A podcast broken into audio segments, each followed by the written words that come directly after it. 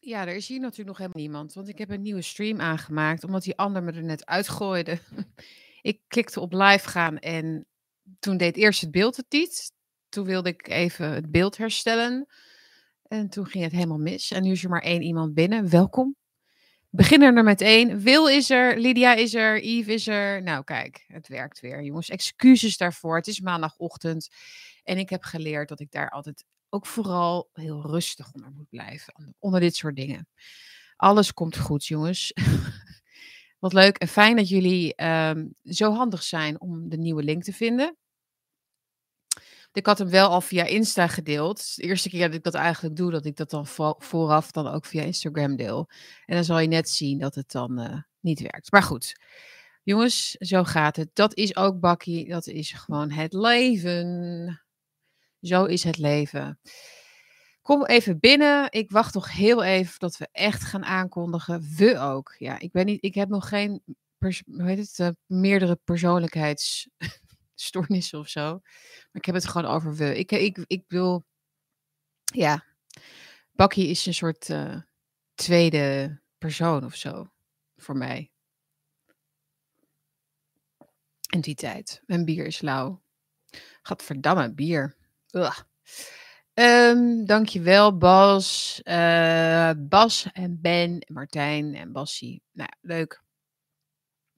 Leuk. Um, ik heb best wel veel onderwerpen. Ik heb ook weer wat um, gelezen. En het is niet zo dat ik daar nu al een heel bakkie met boeken aan wil gaan wijden. Maar omdat het dan ja, omdat ik het toch wel interessant vond wat ik gisteravond las, gooi ik hem er denk ik gewoon in. En dat gaat over het laatste werk, het verzamelde werk, essays van Connie Palmen. Ik denk eigenlijk stiekem dat ik er niet een bakje met boeken aan wil wijden. Ik vind het niet, niet ik denk niet dat het jullie voldoende zou interesseren.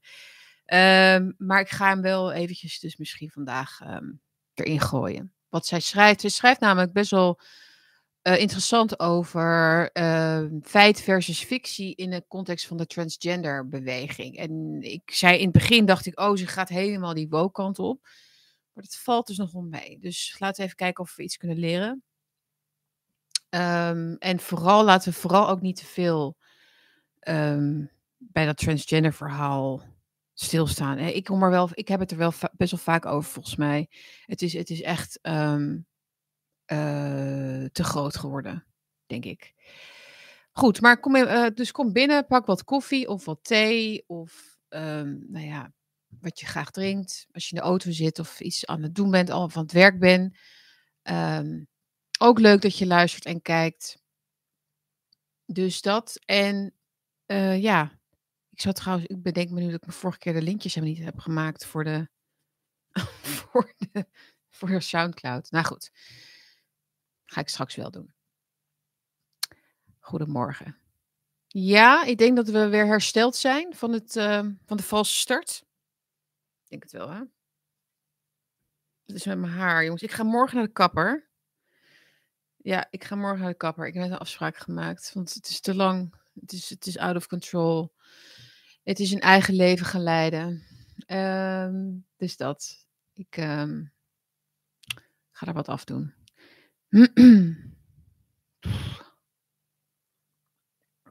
ik had wel echt een maandagochtend gevoel hoor, vanochtend. Dat heb ik eigenlijk sinds ik niet meer een kantoorbaan heb, waar niks mis mee is. Maar daar heb ik daar eigenlijk niet zo last van. Maar soms toch wel, zeker als het uh, kouder en donkerder is. Even opstarten, uit het weekend komen en ons uh, weer verheugen op een nieuwe week vol met verkiezingsgedoe. Gedoe toch? Gedoe. Wie zegt er wat? Ja, ik wil er één of twee dingetjes over zeggen. Uh, wat mij opviel over Jezielgus en Timmermans. En dan wil ik het gaan hebben over Elon Musk. Eventjes hoor, want ik ben geen AI-expert. Maar ik heb me even ingelezen in dat nieuwe, die nieuwe start-up, die Gork start-up. Die dan via Twitter, dus via X, een nieuw language model gaat aanbieden. Dus aan premium, premium abonnees van Twitter. Die krijgen dus een AI-tool dat beter zou zijn dan ChatGPT. Nou ja, volgens mij hebben de meeste van jullie ook nog nooit met GPT gewerkt. Dus het is moeilijk om het te vergelijken. Maar er zijn dus groepen mensen die dat al echt aan het uittesten zijn, aan het uitrollen zijn. En al groot verschil zien eigenlijk in wat zo'n model kan, wat zo'n programma kan. En uh, ik wil het even met jullie hebben over of we dat nou, uh, nou ja, niet of, maar hoe erg we dit vinden. Of hoe bedreigend we dit vinden. En misschien, ik wil, misschien valt het wel mee hoor. Ik hoorde Scott Adams, ik weet niet of jullie hem kennen, waarschijnlijk wel. Uh, de meest vreemde dingen zeggen gisteren of eergisteren.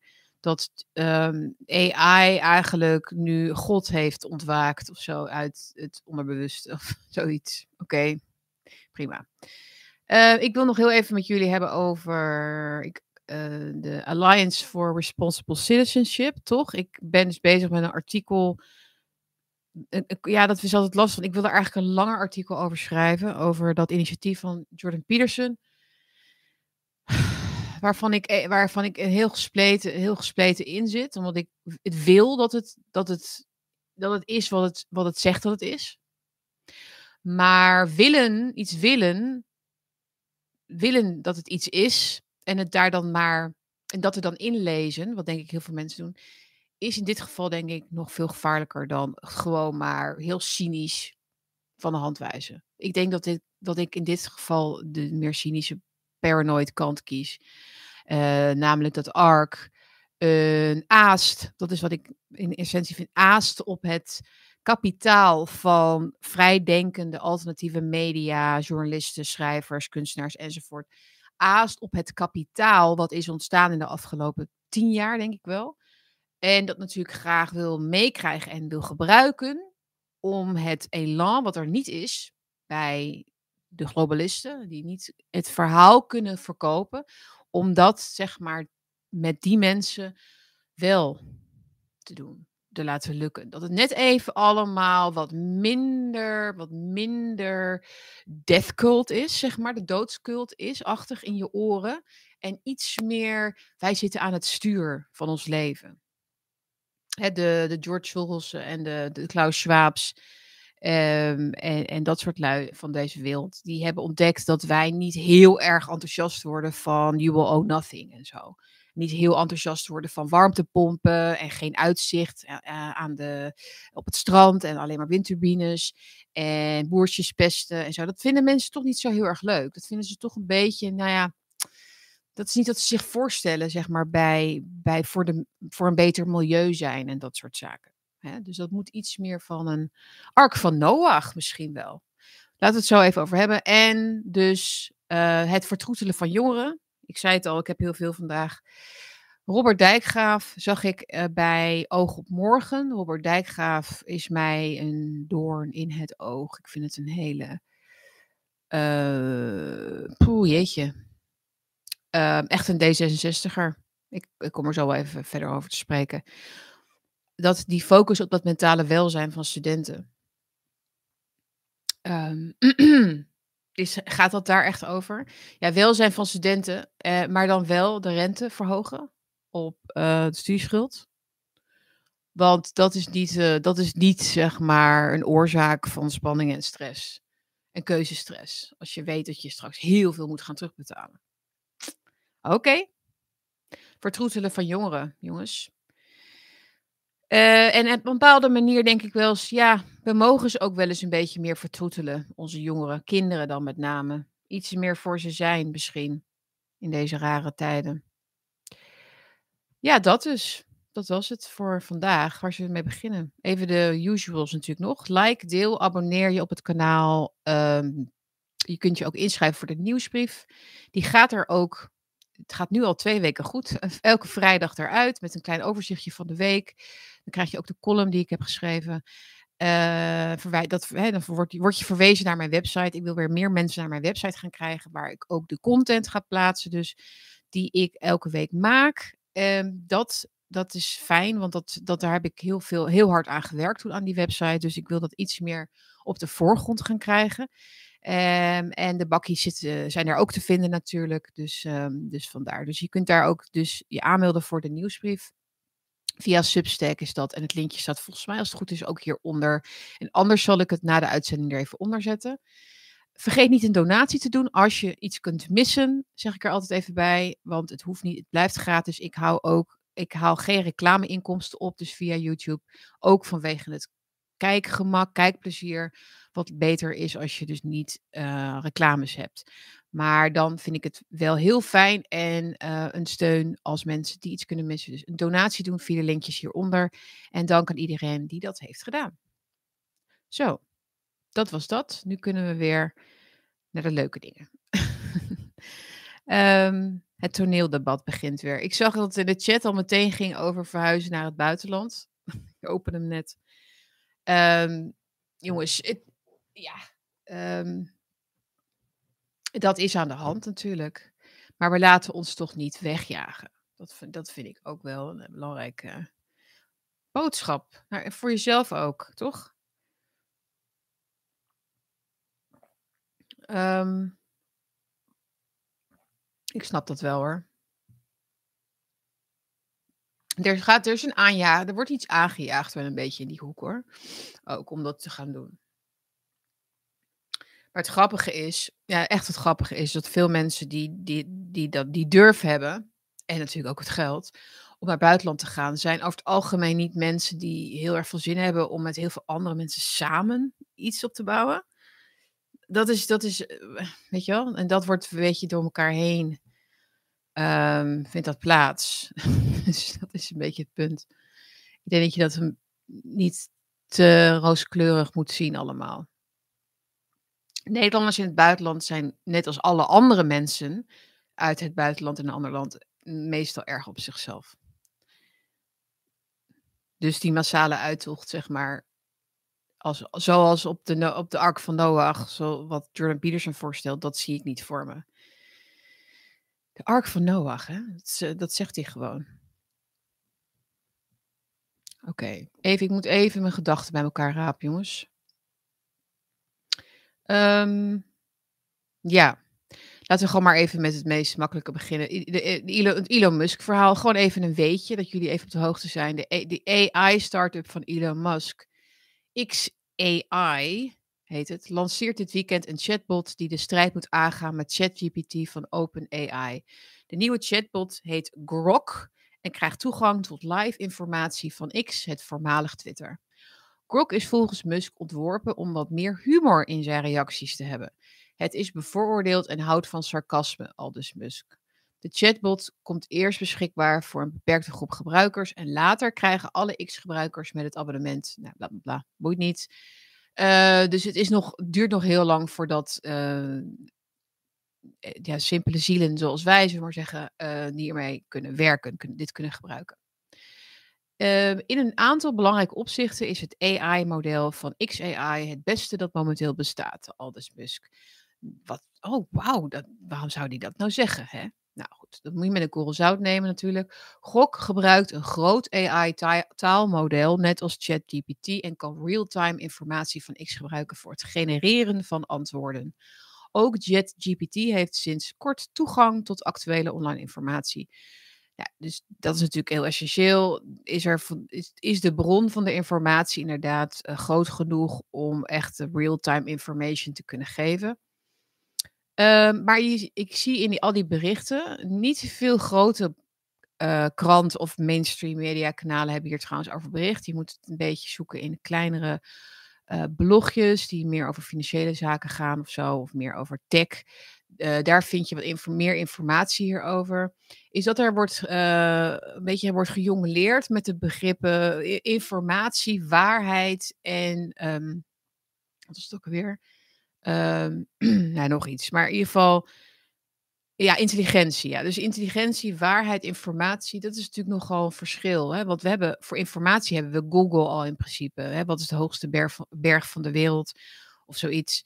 Um, dan kun je het opzoeken. Kijk, dat is natuurlijk niet wat AI is. AI is iets wat letterlijk tegen je praat, wat terugpraat ook. Hè? Zoals uh, Kit, hoe heet die ook weer, van de Night Rider of zo, in die auto. Hè, dat de eerste keer dat hij dan, dat, dat hij dan wordt tegengesproken door Kit, dat hij dan zegt, ja, volgens mij, uh, volgens mij ben je te moe om te rijden. Zal ik, zal ik de automatische besturing maar aanzetten of zo, zegt hij dan. En dan krijgen ze een soort strijd. Maar daar, dat, is wel natuurlijk waar het dan over gaat. Dat is dan wel echt een conversatie hebben, dus met een robot, zeg maar. Die, die dus meet bij jou eh, wat jij nodig hebt of wat jij zou willen. Die eigenlijk dus al een stap voor is in jouw gedachtegang. Um, dus jouw gedachtegang wordt in feite al gehijacked en dan met een AI-oplossing of hoe je het ook wil noemen, een AI-interventie wordt, er dan, wordt het dan aangevuld. Dus, het is, dit, is, dit gaat dus niet over chips in je hoofd of zoiets, maar daar heeft natuurlijk Musk ook wel interesse in. En ik denk dat veel mensen om deze reden Musk heel erg wantrouwen en zeggen van ja, ik zie hij is ook van die transhumanistische toekomstvisie en hij wil dus de robots, omdat het zogenaamd niet anders kan, de boel laten overnemen. Hè, want er zou ook een bevolkingstekort zijn of een, althans een geboortetekort zijn. Dus we moeten wel in de toekomst gaan werken met AI en robots die, het menselijke, die de menselijke capaciteiten gaan overtreffen. Um, dus er zijn eigenlijk twee stromingen, denk ik, in deze. Ehm, in, bij mensen. Hè? Dus mensen die zeggen, ja, het is onvermijdelijk. En mensen zeggen, ja, dat zal wel, maar het is, het, is, het, is zo, het is zo gevaarlijk als een externe vijand gevaarlijk is.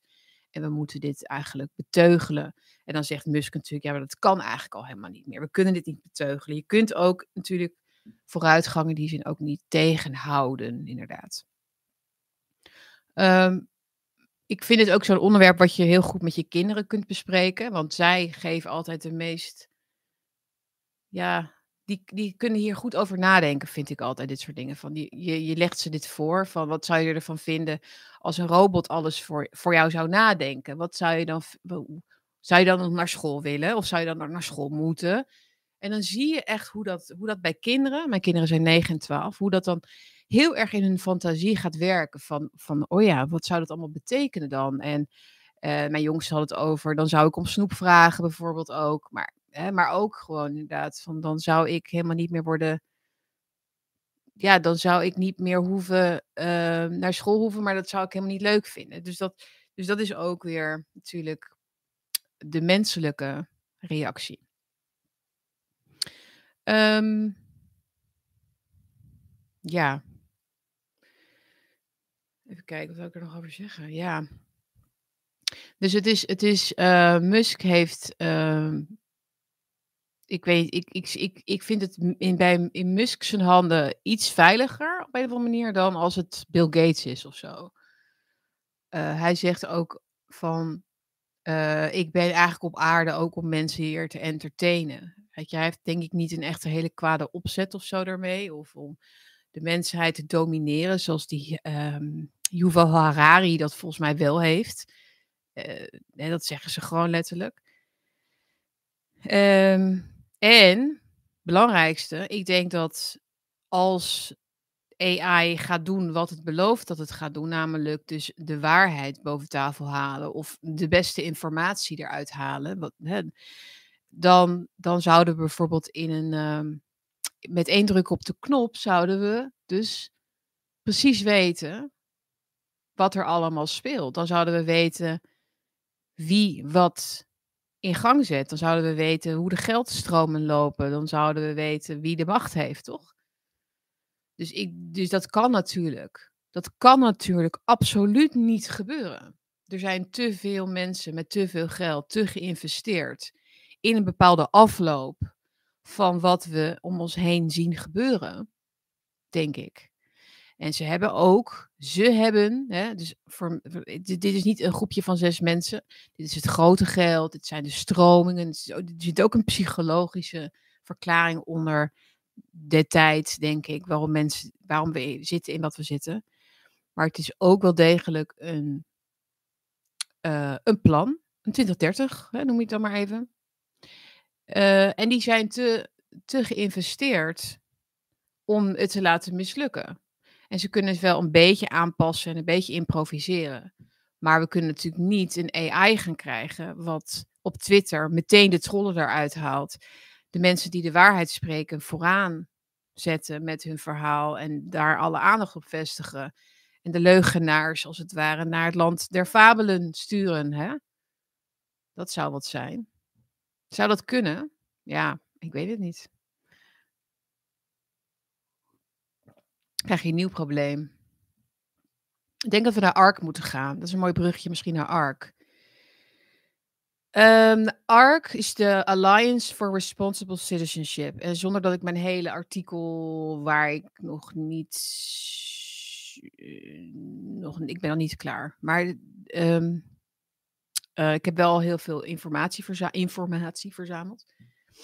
Als je naar dat uh, Alliance for Responsible Citizenship kijkt, dan zie je dus ook de reflex of het antwoord of de reactie op een tijd waarin we nu al bewuster zijn gaan leven sinds een jaar of vijf, denk ik. Maar het bestaat al langer, die tijd. Die tijd misschien sinds de Koude Oorlog, misschien daarvoor al, hè, misschien al sinds de Franse Revolutie, misschien daarvoor al dat kun je allemaal natuurlijk beargumenteren. Wanneer is het begonnen? Wanneer is het begonnen dat we leven eigenlijk in een leugen over onszelf? En waarom is het licht hier nu heel fel? Keine Ahnung. Moet even. De zon komt dan ineens door, jongens. Na al die dagen. Precies in mijn bakkie. Nee, Ark heeft een uh, een nieuwe, een andere waarheid geformuleerd op iets wat inderdaad een doemscenario is, een doemdenken is waar we in zijn terechtgekomen. We zijn terechtgekomen in een doemdenken. Het systeem is een doemdenkmachine, toch? Ja, doemdenkmachine. Het maakt niet uit of we gelukkig zijn of ongelukkig zijn, of we welvaart hebben of geen welvaart hebben, of we gezond zijn of niet gezond zijn. We moeten de planeet redden. Snap je? Dat is het even heel kort. Um, en oorlog, eh, het, het, het, het, cynisme ook rondom oorlog. Hè? Dus waarom we oorlog voeren. Eh, we moeten dat gewoon doen net alsof het een, ook een natuurlijk fenomeen is of zo. Maar dat is het natuurlijk niet. Het wordt allemaal geregisseerd. En we nemen al die ellende, al die dood en al het verderf nemen we op de koop toe. Dus het is vreselijk cynisch. Een vreselijk cynische, nare, onmenselijke, onmenselijk onwaardig uh, onwaardige periode waarin we leven. Dus ARK heeft bedacht, dus Jordan Peterson heeft bedacht, we gaan een optimistischer geluid laten horen. We gaan de hoop verkondigen. We gaan mensen bij elkaar brengen om te zeggen van nee, wij willen niet leven volgens het principe van minder en schuld en schaamte en ja, um, valse vooruitgang. Wij, wij willen werkelijk iets doen aan de problemen die er zijn op de wereld maar niet, maar niet volgens het principe, niet volgens de regels van de, de gevestigde orde, zeg maar. Hoop is bij hun ook een belangrijk woord. Um, maar, sorry, het probleem is natuurlijk dat zij dan uh, zo, uh, zij spiegelen in feite dat WEF-idee door dus een nieuwe WEF eigenlijk op te richten. Dus een denktank. Hè? Dus wat het WEF natuurlijk officieel is, een denktank. Het is gewoon is gewoon een plek waar mensen samenkomen, van gedachten wisselen, bedrijven. Ja, toevallig ook alle hooggeplaatste politici en leiders en zo. Die toevallig dan ook. Maar het is gewoon een denktank. En we delen wat tassen uit. En daar lopen dan, onze, daar lopen dan die leiders mee rond en zo. Tussen hun eigen bevolking. Maar dat betekent helemaal niet dat ze niet loyaal zijn aan hun eigen bevolking, aan hun eigen land. Maar het is gewoon een denktank. Dus ARC is ook, we zijn een denktank, we zijn een alternatief voor het WEF. Maar dan gaat bij mij al eigenlijk, uh, dan gaan mijn nekharen al een beetje overeind staan. Want waarom moeten we een alternatief hebben voor iets wat dicteert en voorschrijft hoe wij naar de toekomst moeten kijken of zoiets? we, we, need a, we need a new narrative. Zo Klaus Schwab. We hebben we need a great reset. We, hebben, we moeten onze verantwoordelijkheid nemen voor de toekomst en de planeet. En we moeten op die manier denken. En dat doet, dat doet, dat doet ook, dat doet, dat doet Jordan Peterson dus inmiddels ook. Het responsible, het verantwoordelijke burgerschap. En hoewel ik het me eens ben dat we verantwoordelijk burgerschap moeten ontwikkelen, komt dat moet dat komen van, van beneden, denk ik toch? Niet omdat het dan democratischer is per se, Maar omdat het anders nooit iets echt kan veranderen. Je kunt niet als, als een ark zeggen, we nodigen duizend mensen uit. Die gaan nu dit verhaal verspreiden. En dan kun je dan daarbij aansluiten. Dat is dan jouw nieuwe verhaal. En jij bent dan als opiniemaker of als schrijver, ben jij nu een Jordan Peterson volger. Of jij volgt dan dat nieuwe initiatief. En jij bent dan de verspreider van die hoopvolle boodschap. En dan kunnen mensen die daar dan die dat dan hoopvol, ook, ook hoopvol vinden, die kunnen zich daar dan wat? Wat moeten ze daar dan precies mee doen?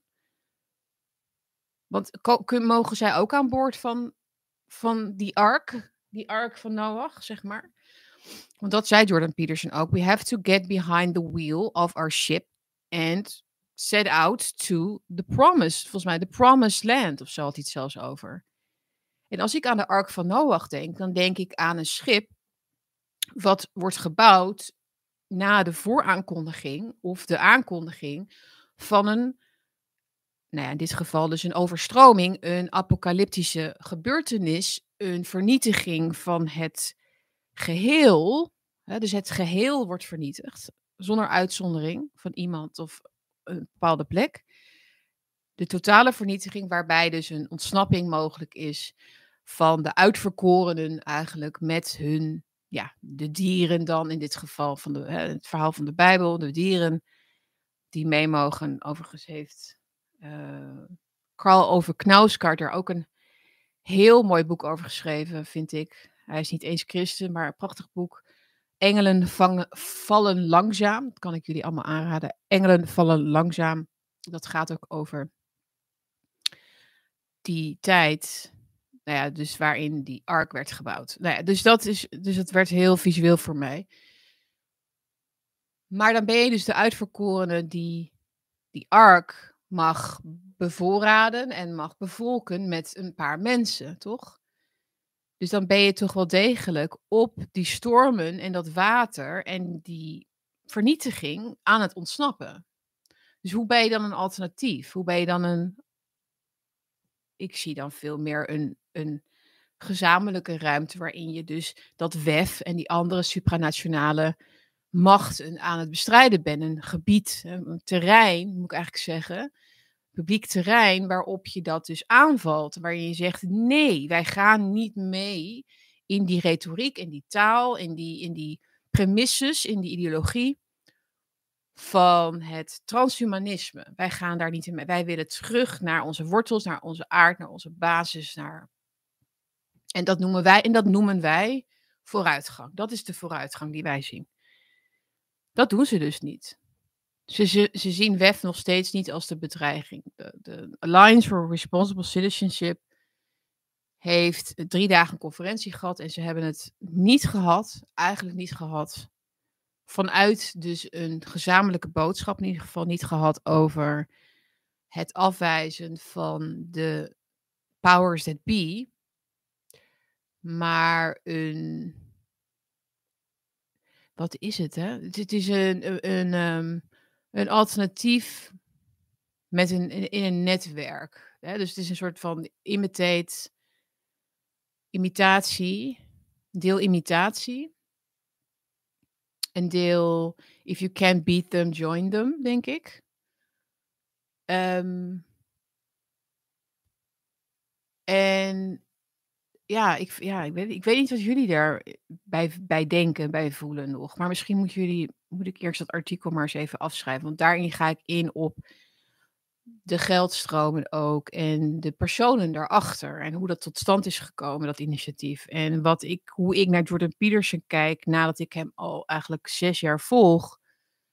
En wat er gebeurd is sinds hij die ernstige ehm, inzinking, zeg je dat, die ziekte had of wat was het, niemand weet precies wat hij had, maar hij is een jaar lang echt helemaal uit de picture geweest en heeft toen een comeback gemaakt. Ehm, en hij zou dus bijna op het randje, of hij zou op het randje van de dood hebben gezeten. En uh, sindsdien heeft hij iets uh, predikends over zich, uh, iets raars, iets two-faced. Hij heeft um, die gekke pakken met twee kleuren.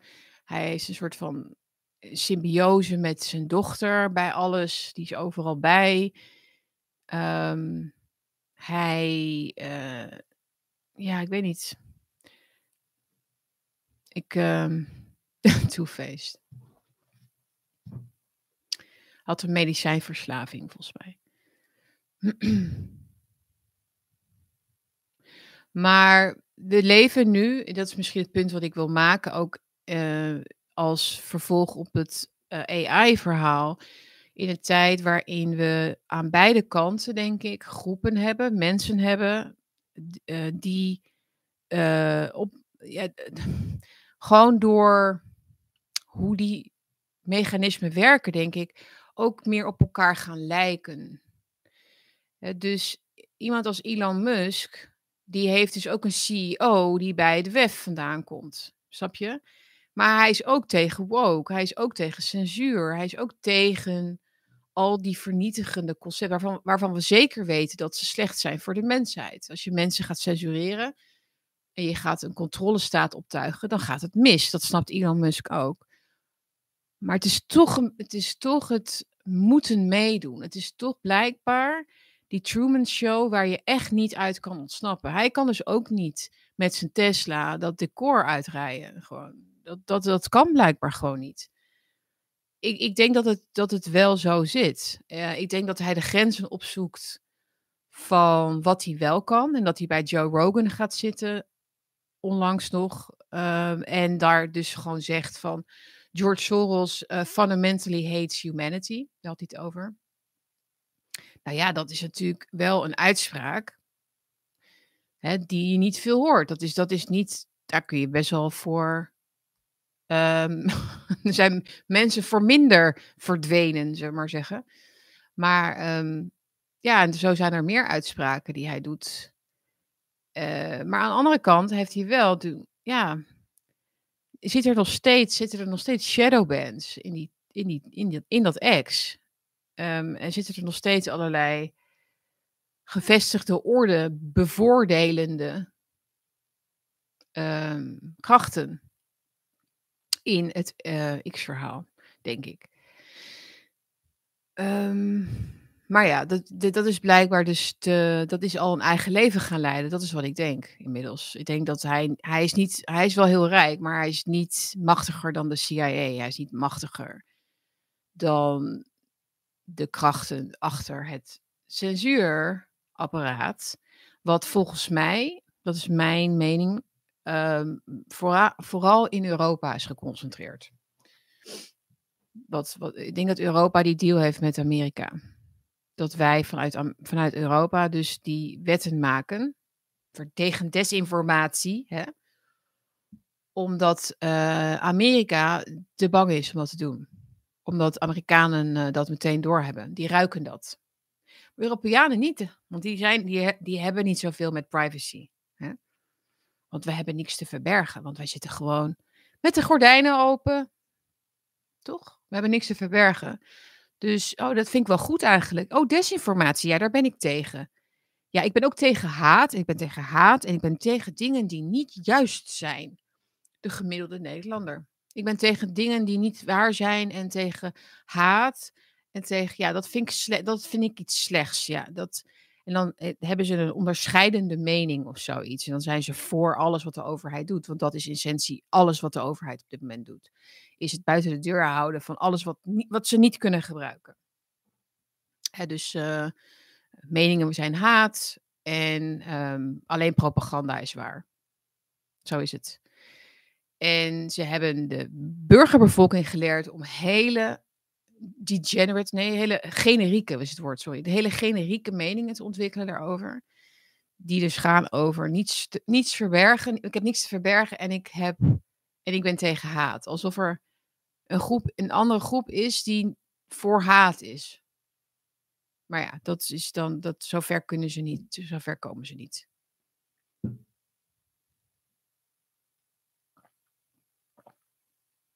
En dat zit bij mij, ja, misschien ben ik een beetje lelijk. En ehm, ben ik een beetje te, nou ja.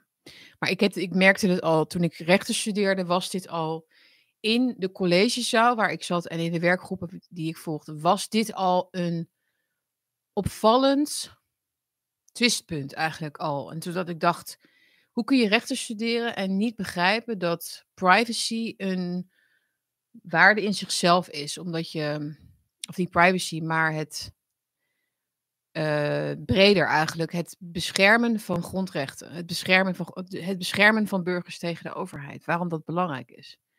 En dan zaten er dus gewoon mensen van 4, 24 of zo, of eerder, weet ik veel. Die dan zeiden, ja, maar ik, als je niks te verbergen hebt, hoef je daar helemaal niet, hoef je niet bang te zijn dat jouw grondrechten een beetje worden. Oké. En dus, dan zei ik van, ja, maar, maar hoe weet jij dan? Weet jij dan nu al wat dan de wetten zijn die jij, waar jij op grond daarvan jij niks te verbergen hebt? Dus jij denkt nu aan bijvoorbeeld grootschalige fraude of witwassen of zo, of verkrachting. Hè, maar als er wetten komen waar iedereen zich wel eens schuldig aan maakt, hè, dan ehm, heb je wel iets te verbergen. Maar goed, dat was dan al heel bizar als ik dat zei. Ja. Oh, oké. Okay. Alright, hoe is het met jullie jongens? Ik heb veel te veel. Uh, ik zie je, ik heb te veel online gezeten. Dan krijg je dit. nee, maar Ark, laat, zullen we Ark dan even laten? Want ik merk dat ik daar. Ik kan daar echt een uur over praten. Omdat ik. Om, omdat het. Het is niet een, een, een, een zwart-wit mening of zo. En uh, die heb ik vaak genoeg, maar in dit geval niet. Maar ik, ik, ben, ik ben hier wel heel troubled over. Ik, heb, ik kijk met een zwaar hart naar wat daar gebeurt. Ik vind het heel ernstig, omdat het de potentie heeft om dus nog weer, nog weer, er zijn er al heel veel geweest, nog weer een schisma te creëren, nog weer een breuk te creëren in die alternatieve hoek. Want we, hebben natuurlijk corona gehad, toen is er heel eensgezind eigenlijk vanuit een groep mensen naar buiten toe getreden. Niet dat iedereen elkaar kende, niet dat iedereen het met elkaar eens was, niet dat iedereen elkaar voortdurend uh, na aan het praten was, helemaal niet. Maar er was iets van een, een, vibe. Er was een, um, een, een, een golf waarop wij surfden, toch? Dat was een, het dit, dit was iets wat we snapten. Kijk, dit is wat ze doen. En hier zijn we tegen. Wij willen ons eigen, wij willen ons eigen recht bewaken. En toen kwam oorlog in Oekraïne. En toen kwam, nou, nu Israël. En je ziet, je ziet nu dat er, dat er spanningen zijn. Maar ook dat er voor veel mensen al ja, die al jarenlang een YouTube-kanaal hebben of al jarenlang te maken hebben gehad met uitsluiting en met censuur en met ja, gewoon al die nadelen die je ondervindt als je dus tegen de overheid, je kritisch uitlaat tegenover de overheid. Die op een gegeven moment na een paar jaar ook denken van ja, ik heb er eigenlijk al een beetje genoeg van. Ik wil ook een beetje, een beetje in dat, een beetje vertroeteld worden en wat geld krijgen. En oh, daar, hey, dat is, toch, dat is grappig. Hey, er, is een, er is een groep met allerlei miljardairs. Die, die, die, die beloven iets en daar mag ik dan bij zijn. Ja, dan snap ik wel dat je een, een Dave Rubin of zo. Of uh, ja, James Lindsay liep er ook rond. Ik, James Lindsay kan voor mij niet zo heel veel verkeerd doen nog. Nog. Uh, natuurlijk, uh, Eva Vlaardingenbroek was er bij die conferentie. Raisa was er. Maar Eva is dus Raisa natuurlijk ook. Ik word trouwens nog steeds heel vaak, nou niet heel vaak, voelt vaak hè. Als je negatief iets hoort, dan voelt het vaak. Word ik met Raisa en Eva in één,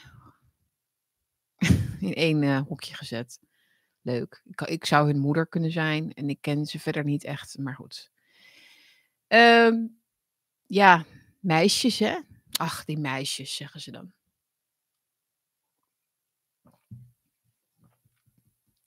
Goed. Uh, even wat politiek, jongens. Timmermans, van Timmermans en Jezielgus, uh, demissionair minister Jezielgus, die is bij uh, Macron op bezoek geweest. Op 31 oktober. Een uur lang heeft ze met uh, Macron gesproken. Dat is in alle kranten, heeft dat gestaan. De op de site van de Rijksoverheid staat er ook een bericht. Minister Jezielgus. Zegerius brengt bezoek aan president Macron van Frankrijk. Oh ja, 50 minuten, 50 minuten durende ontmoeting. Spraken ze over binnenlandse veiligheid, extremisme, migratie, aanpak van georganiseerde criminaliteit. Ook de situatie in het Midden-Oosten kwam aan bod, als mede de effecten die dit heeft in Frankrijk en Nederland, waaronder antisemitisme. En zij hebben in die 50 minuten alle problemen van de wereld opgelost. Met goed uw Rijksoverheid, hè? zou je bijna denken.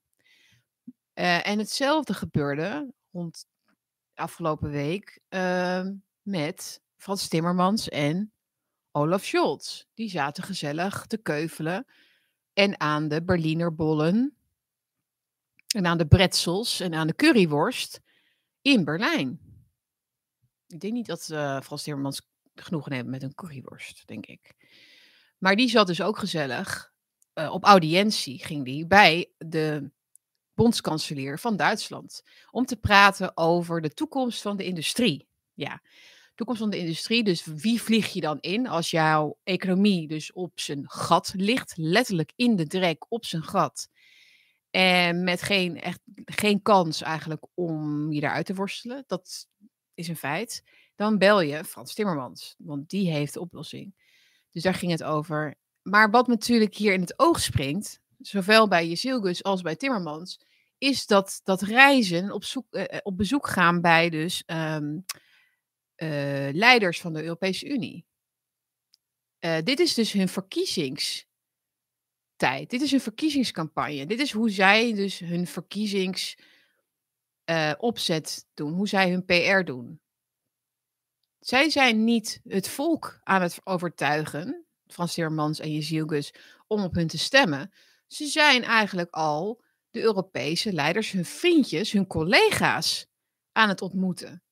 Aan het, uh, hè, ze zijn al een beetje hun werkgever aan het ontmoeten, toch? Dat is wat daar heel erg uitspringt. Ik vind het niet normaal hoor, dat je ten eerste als demissionair uh, minister langs gaat bij Macron om over hele grote thema's te spreken. Dan heb je dat eventjes niet te, te, te doen. En voor Timmermans geldt dat hij nog helemaal niets is nog helemaal niets is. Hij, hij, heeft, hij is in, letterlijk in een, in een in limbo nu.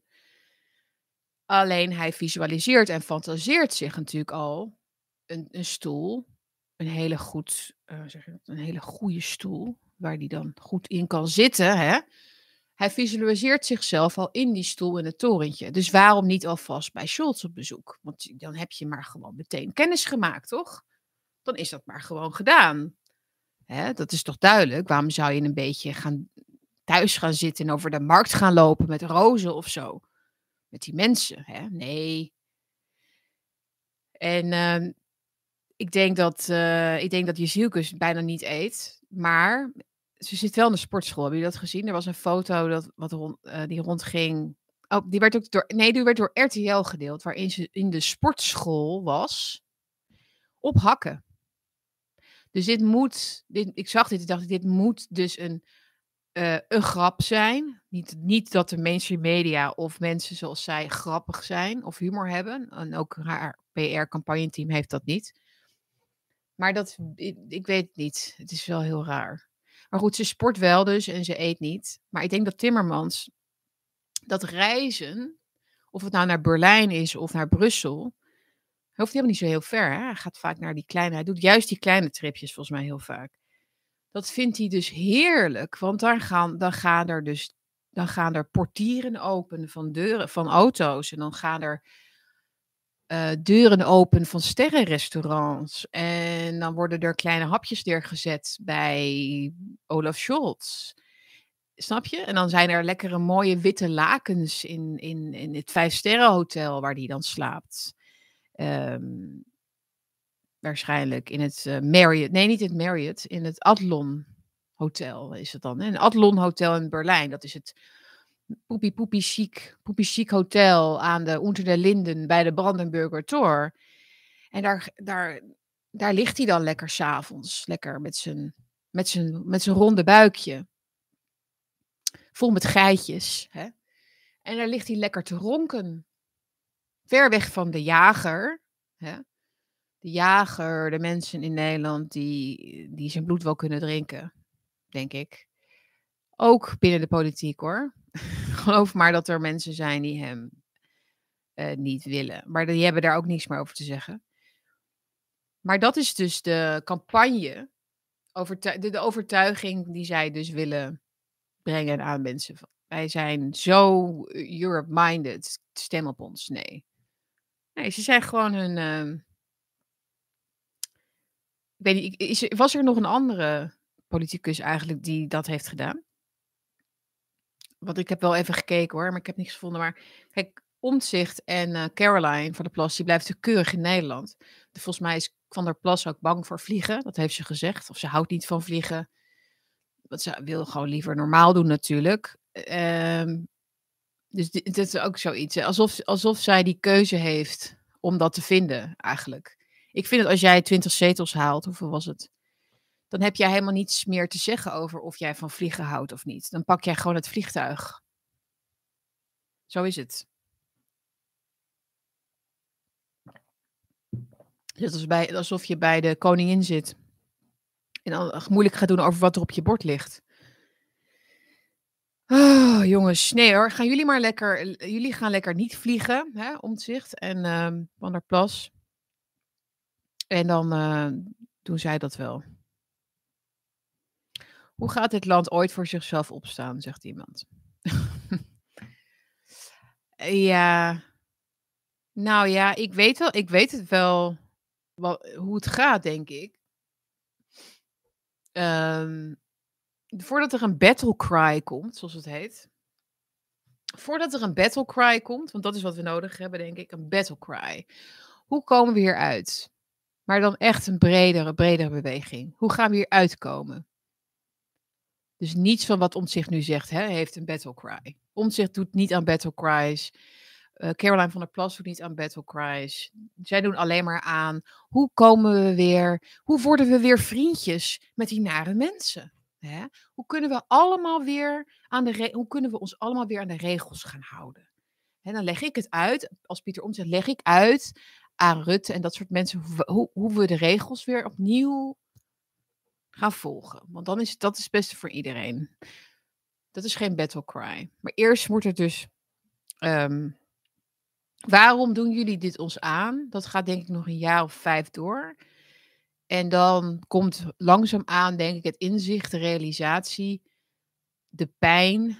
Dat de pijn groter wordt. Ja, dat is het. De pijn moet eerst groter worden dan het eh, plezier of niet het plezier. De pijn moet groter worden van het economische, het economische terugval, de armoede, maar ook de pijn van het verdwijnen van jouw land, denk ik toch wel. Dat het ook wel dieper zit. Dus praktisch, theoretisch, maar ook psychisch, mentaal. De pijn moet groter worden, toch dan een bepaald soort comfort en gemak van het klagen. Hè, dus het klagen van waarom doen ze dit? Ehm, maar wat dan vaak, ja, eh, iets, iets, iets masochistisch heeft natuurlijk ook. Van we gaan nog beter ons best doen. We zijn toch, eh, we zijn toch goede burgers. We hebben toch netjes alles gedaan. Ehm, ja, dat is het denk ik. De toxic relationship, daar moeten we uit. Met de overheid. Er valt niets, er valt niets te halen. Niets. Uh, niets te verwachten, in ieder geval. Er is heel veel te halen en te verwachten, gewoon in een andere denkspace, vind ik.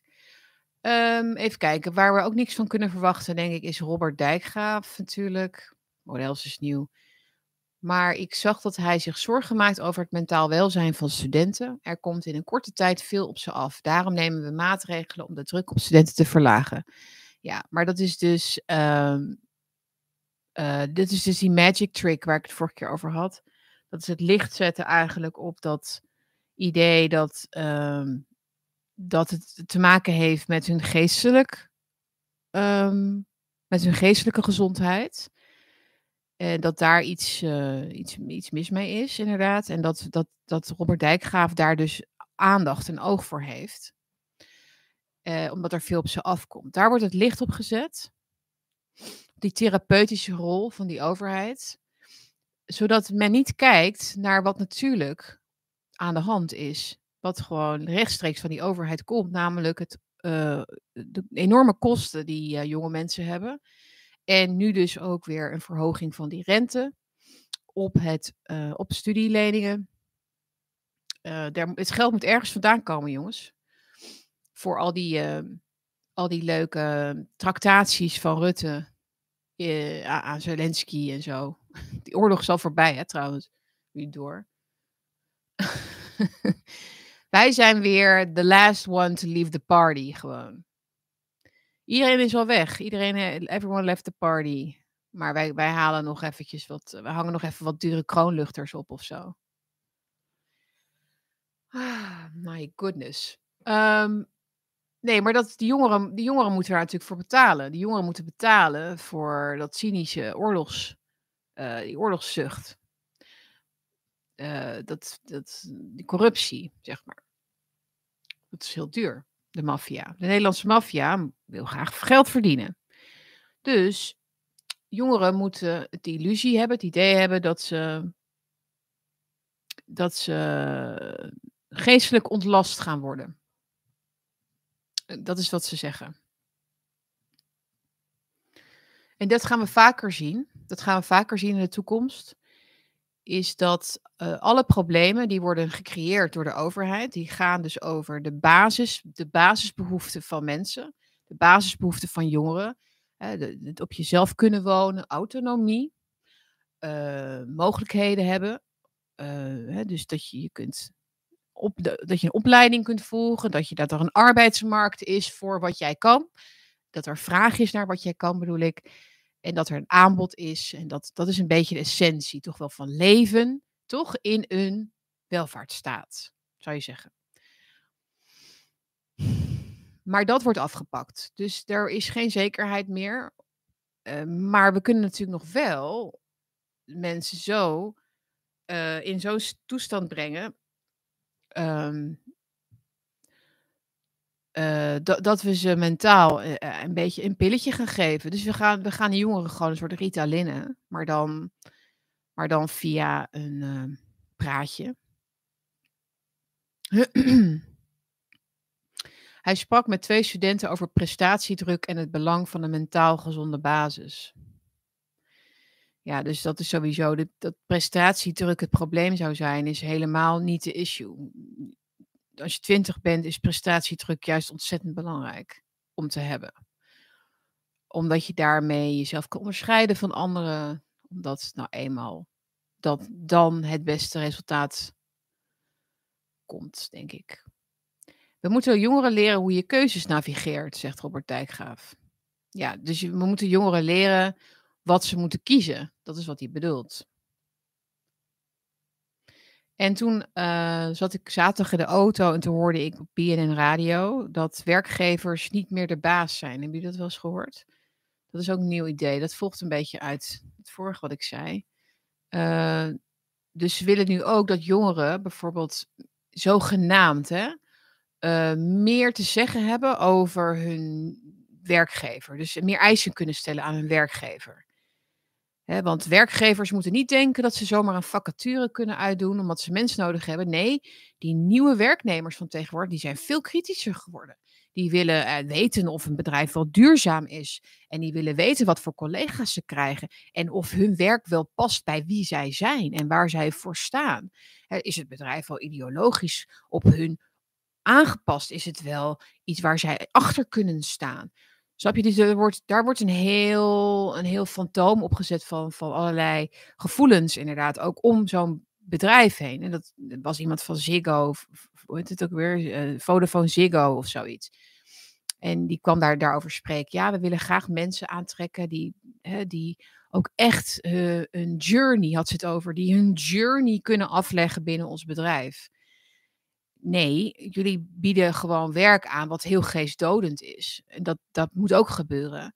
Uh, maar jongeren zijn zo nu opgevoed en opgeleid en wijsgemaakt dat ze activisten moeten zijn en dat ze dus een grotere betekenis achter alles moeten zoeken, dat jullie dat maar een beetje gaan naadbootsen, een beetje spelen. Dus dan mogen ze opleidingen doen en zo. En dat doet McDonald's volgens mij ook. En dan krijg je een opleiding naast je baantje bij McDonald's, krijg je een opleiding aangeboden.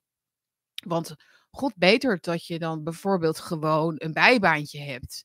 En denkt van, nou, ik ga straks later wel de wereld redden. Hè? Maar nu nog even niet. Dus dat is eigenlijk heel triest. En er, er is nog een reden waarom ze dat denk ik doen. Waarom bedrijven dat dus doen. En uh, spelen alsof ze uh, heel uh, afhankelijk zijn van de wensen van hun eh, personeel. Ja, dus dat, dat die heel veel eisend zijn geworden of zoiets. Want dat, is waar, dat ging dus een uur lang op de radio daarover. Uh, die zijn heel veel eisend geworden. Hier hebben jullie een opleiding. Maar dit is ook waar de grote spelers op de markt, denk ik, mee bezig zijn op dit moment.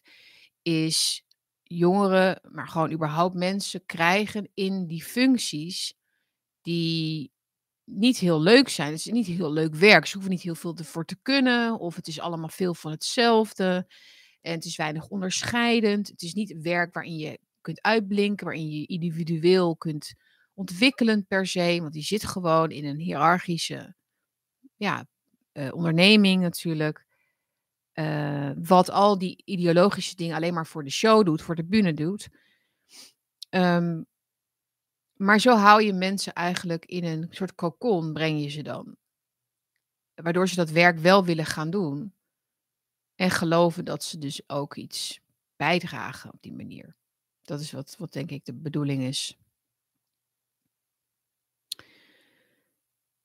Uh, je, moet, je moet je gewoon altijd afvragen bij dat soort dingen. Waarom zou ik ergens gaan werken? Nee, anders. Waarom zou een bedrijf mij een gratis opleiding bieden, terwijl ik daarnaast eigenlijk alleen maar hamburgers omdraai op de grill? Wa wa waarom zou een bedrijf dat aanbieden? Kijk, je kunt, uh, waarom, zou die, waarom zou McDonald's jou 8 euro betalen of 10 euro betalen? Dat is, dat is natuurlijk iets eh, waar je het gewoon over kunt hebben. Uh, maar waarom zou Waarom zou je een opleiding krijgen? Wat zit, wat zit erachter? Denk er maar eens over na. Ja. Omdat, uh, omdat die bedrijven natuurlijk uh, eigenlijk niets bieden. Hè? Dus dat, dat is het punt. Niets is gratis in deze wereld, nee. Alright, dus het is weer vrij allemaal. Is er nog koffie? Robert Dijkgraaf. Goed. Ik heb deze voor mijn verjaardag gekregen. Kijk hoor. Sergej Dovlatov. Vier romans. Ik heb gisteren een beetje ingelezen. Ik vind het zo mooi. En dan krijg je dus een, uh, zo'n achterflap. En er staat dan dit op. Sorry hoor, ik heb allemaal dingen openstaan hier even. Hier. De Sovjet-Unie van Dovlatov is net als het Rusland van Poetin een land van leugen en bedrog. En precies daarom fascineert zijn werk na 40 jaar nog altijd. NRC. oh, nu wil ik het lezen. Oh, leugen en bedrog. Ja, dat fascineert ons bij het NRC enorm. Dat fascineert na 40 jaar nog altijd. Hè? Dat vindt ook alleen maar daar plaats dat leugen en bedrog ergens anders op de wereld ook plaatsvindt, dat fascineert ons niet. Nee, precies. Alright. Tot nog een heel mooi stukje. Een, mooi stukje eruit. Dit, kan alleen, dit kunnen alleen de Russen. Wat ik nu ga voorlezen, dat, dit kunnen alleen Russische schrijvers. En ik zie nu trouwens dat ik dozen heb staan nog daarachter. Maakt niet uit. Dit kunnen alleen de. Ik heb opgeruimd dit weekend, maar niet helemaal het afgemaakt. Dit kunnen alleen de Russische schrijvers, mensen. Um, deze Dovlatov schrijft. Tot mijn verwondering ontdekte ik een derde aspect. Um, sorry, ik, ik, denk dat ik even iets meer naar voren moet. De dwangarbeider is een monster, een schurk. Bijgevolg draait alles om. De konvooier, politieagent, stille militionair zijn nobele en heldhaftige, zijn nobele en heldhaftige figuren. Hè, dus politieagent. Nobele en heldhaftige figuren. Oké, nu komt het. Tot mijn verwondering ontdekte ik een derde aspect. Politieagenten en dieven doen buitengewoon aan elkaar denken. Streng beveiligde gevangenen en kampbewakers lijken idioot veel op elkaar. Taal, denkwijze, folklore, esthetische waarden, morele instelling. Dat alles is het resultaat van wederzijdse beïnvloeding. Aan beide zijden van het prikkeldraad ligt de helezelfde vrede wereld. Dat heb ik proberen uit te drukken. Met je leugens en bedrog NRC uh, hebben de Russen in ieder geval, want dit is, een, dit is geschreven jaren 70 volgens mij, wel een heel goed gevoel voor um, de, de diepere waarheid binnenin, binnenin mensen, zeg je dat? In, eh, dus, en de leugens van het systeem. Konden de, kunnen de, konden de Russen niet, zeker na Solzhenitsyn, tijdens nog Solzhenitsyn, hoe kon Solzhenitsyn dit allemaal schrijven ook trouwens? Als je niet leugen en bedrog zo goed begrijpt, dat je er hele romans over kan schrijven. Hè? Zit je dan in een leug- en bedrogssamenleving? Nee. Dan, dan heeft iedereen een heel goed beeld van wat er gebeurt. Alleen dan is het een andere vraag wat je daaraan kan doen. Als je in de Sovjet-Unie leeft, wat kun je er dan aan doen? Wat ze vooral deden was wachten tot het overging. Want ze wisten dat het over zou gaan. Ze wisten dat de Sovjetleiders hun hand zouden overspelen. Kijk maar naar, Gorbachev voelde dat ook heel goed aan natuurlijk. Maar goed, dit is een heel mooi stukje, heel kort. Uh, dus inderdaad, de, de, de, de, aan beide zijden van het prikkeldraad ligt de helezelfde vrede wereld. Ik denk inderdaad, dat voorbeeld heb ik eigenlijk natuurlijk al met, hoe zeg je dat, met de deugers. Hè? De deugers en hun vijanden. De deugers gaan steeds meer lijken op de mensen waar ze een hekel aan hebben. De deugers zijn zo ongelooflijk bang voor extreem rechts. Zo ongelooflijk bang voor haat en verdeeldheid en fascisme. Dat ze uh, aan hun kant van het prikkeldraad met hun taal en hun denkwijze en hun esthetische waarde en morele instelling. Die mensen ook zijn eigenlijk, die ze, waar zij bang voor zijn. Ook als die er dus niet eens zijn, maar dus die, worden, die beelden zij zichzelf in. De Trump-aanhangers, dat is dan, dat zijn dan de, de zogenaamde gevangenen. Hè? Dat zijn de, de, de immorelen. Beide zijden van het prikkeldraad. Maar dus ook het WEF, de grote boeven bij het WEF. Die, uh, ja, die worden dus door de grote verlicht, de nieuwe verlichting van de ARK van Jordan Peterson worden die um, in feite uh, wederzijds beïnvloed. Ze beïnvloeden elkaar wederzijds. Nou ja, goed, dat is. Ah ja. Hoe laat is het? Elf uur. What a day, what a day, what a day. Even kijken, wat had ik hier nog? Wat een. Hebben jullie gezien? Um, dat Laurens Buis. Man, man, man verhaal.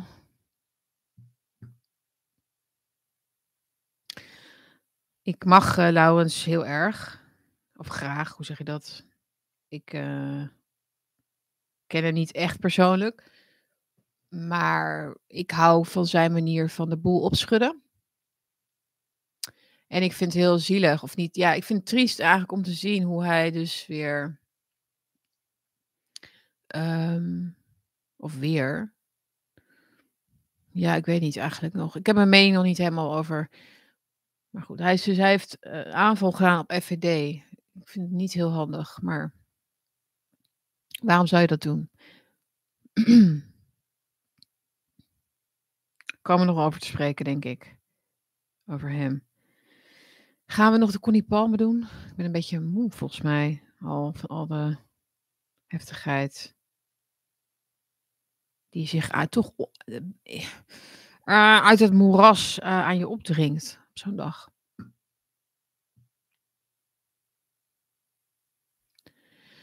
Um, over Brammetje.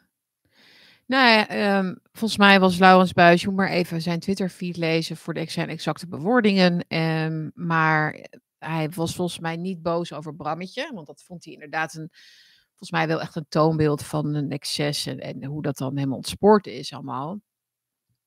Maar hij vindt het jammer dat FVD niet uh, gematigder is eigenlijk over überhaupt het transgender verhaal. Waarom moet dat allemaal eigenlijk op het hakblok, is zijn punt. Want er zijn wel degelijk LGBTQ-mensen die zich ook wel degelijk in een groep of in een. Hè, die zijn een onderdeel eigenlijk van die samenleving, deze mensen. En die verdienen het niet om zo op één hoop te worden gegooid. Dat is eigenlijk zijn punt. Dus.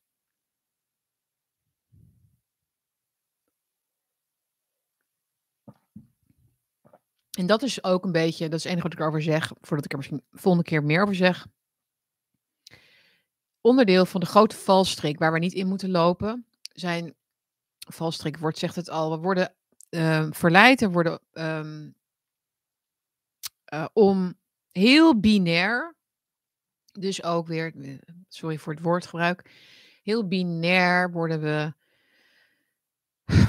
ja zeg je dat, worden heel um, uh, worden uitgedaagd, zo, zo kun je het zeggen, om ook weer heel binair aan de andere kant te gaan staan. Uh, en ik denk dat we dat niet moeten doen. Ik denk dat we moeten blijven praten in termen van er zijn mensen binnen de homo-transgender gemeenschap die hiermee, die zich niet, uh, die, die zich niet vereenzelvigen met die agenda, die daar niks mee willen, die er niks mee kunnen, die zich ervan afkeren ook. Maar dat moet je wel vaker zeggen ook, denk ik. Ik denk dat het niet helpt om iedereen die dan een jurk draagt of zo, als man, ook maar meteen, snap je, gek te maken. Of, het heeft helemaal geen zin. Ik denk dat wij beter moeten zijn dan zij. Of zoiets. Maar um, het zijn van die kleine nuances, heb ik het over, hè? die het verschil maken. Iedereen staat heel scherp afgesteld nu. Wat je wil, is die, die mensen in die LGBTQ wil je aan je kant krijgen ook. Dat is, dat is ook hoe je moet kijken, denk ik. Uh, we weten dat mannen mannen zijn en vrouwen vrouwen. Ja, dat, weet je, dat is niet een het is een beetje een versimpeling misschien. Misschien hoor. Niet happen op het aas. Ze hebben er een haakje in gestopt. Wij houden onze mond wijs dicht. Geen hakje in mijn wang. Oké.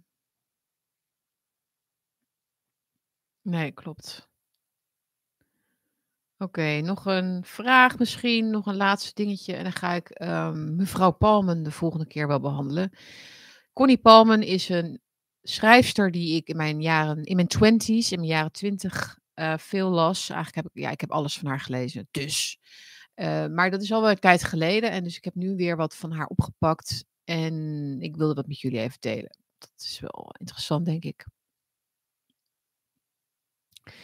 Dat uh, komt dan de volgende keer. Ik ga zo aan mijn column beginnen voor de andere krant. En dat wordt de rest van mijn dag. En ik wil nog even naar buiten, denk ik, als het lukt. Sietske, kan je je vinger niet achter het kernprobleem krijgen? Tijdens een bakkie. Ik begrijp de vraag niet.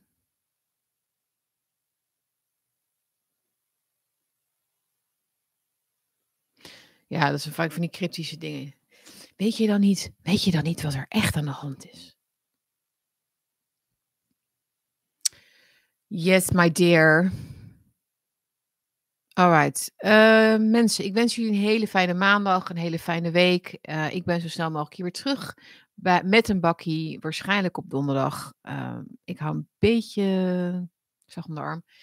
Maar ehm, dan zien we elkaar weer en dan praten we weer verder. En tot bakkie, tot dan. Ciao.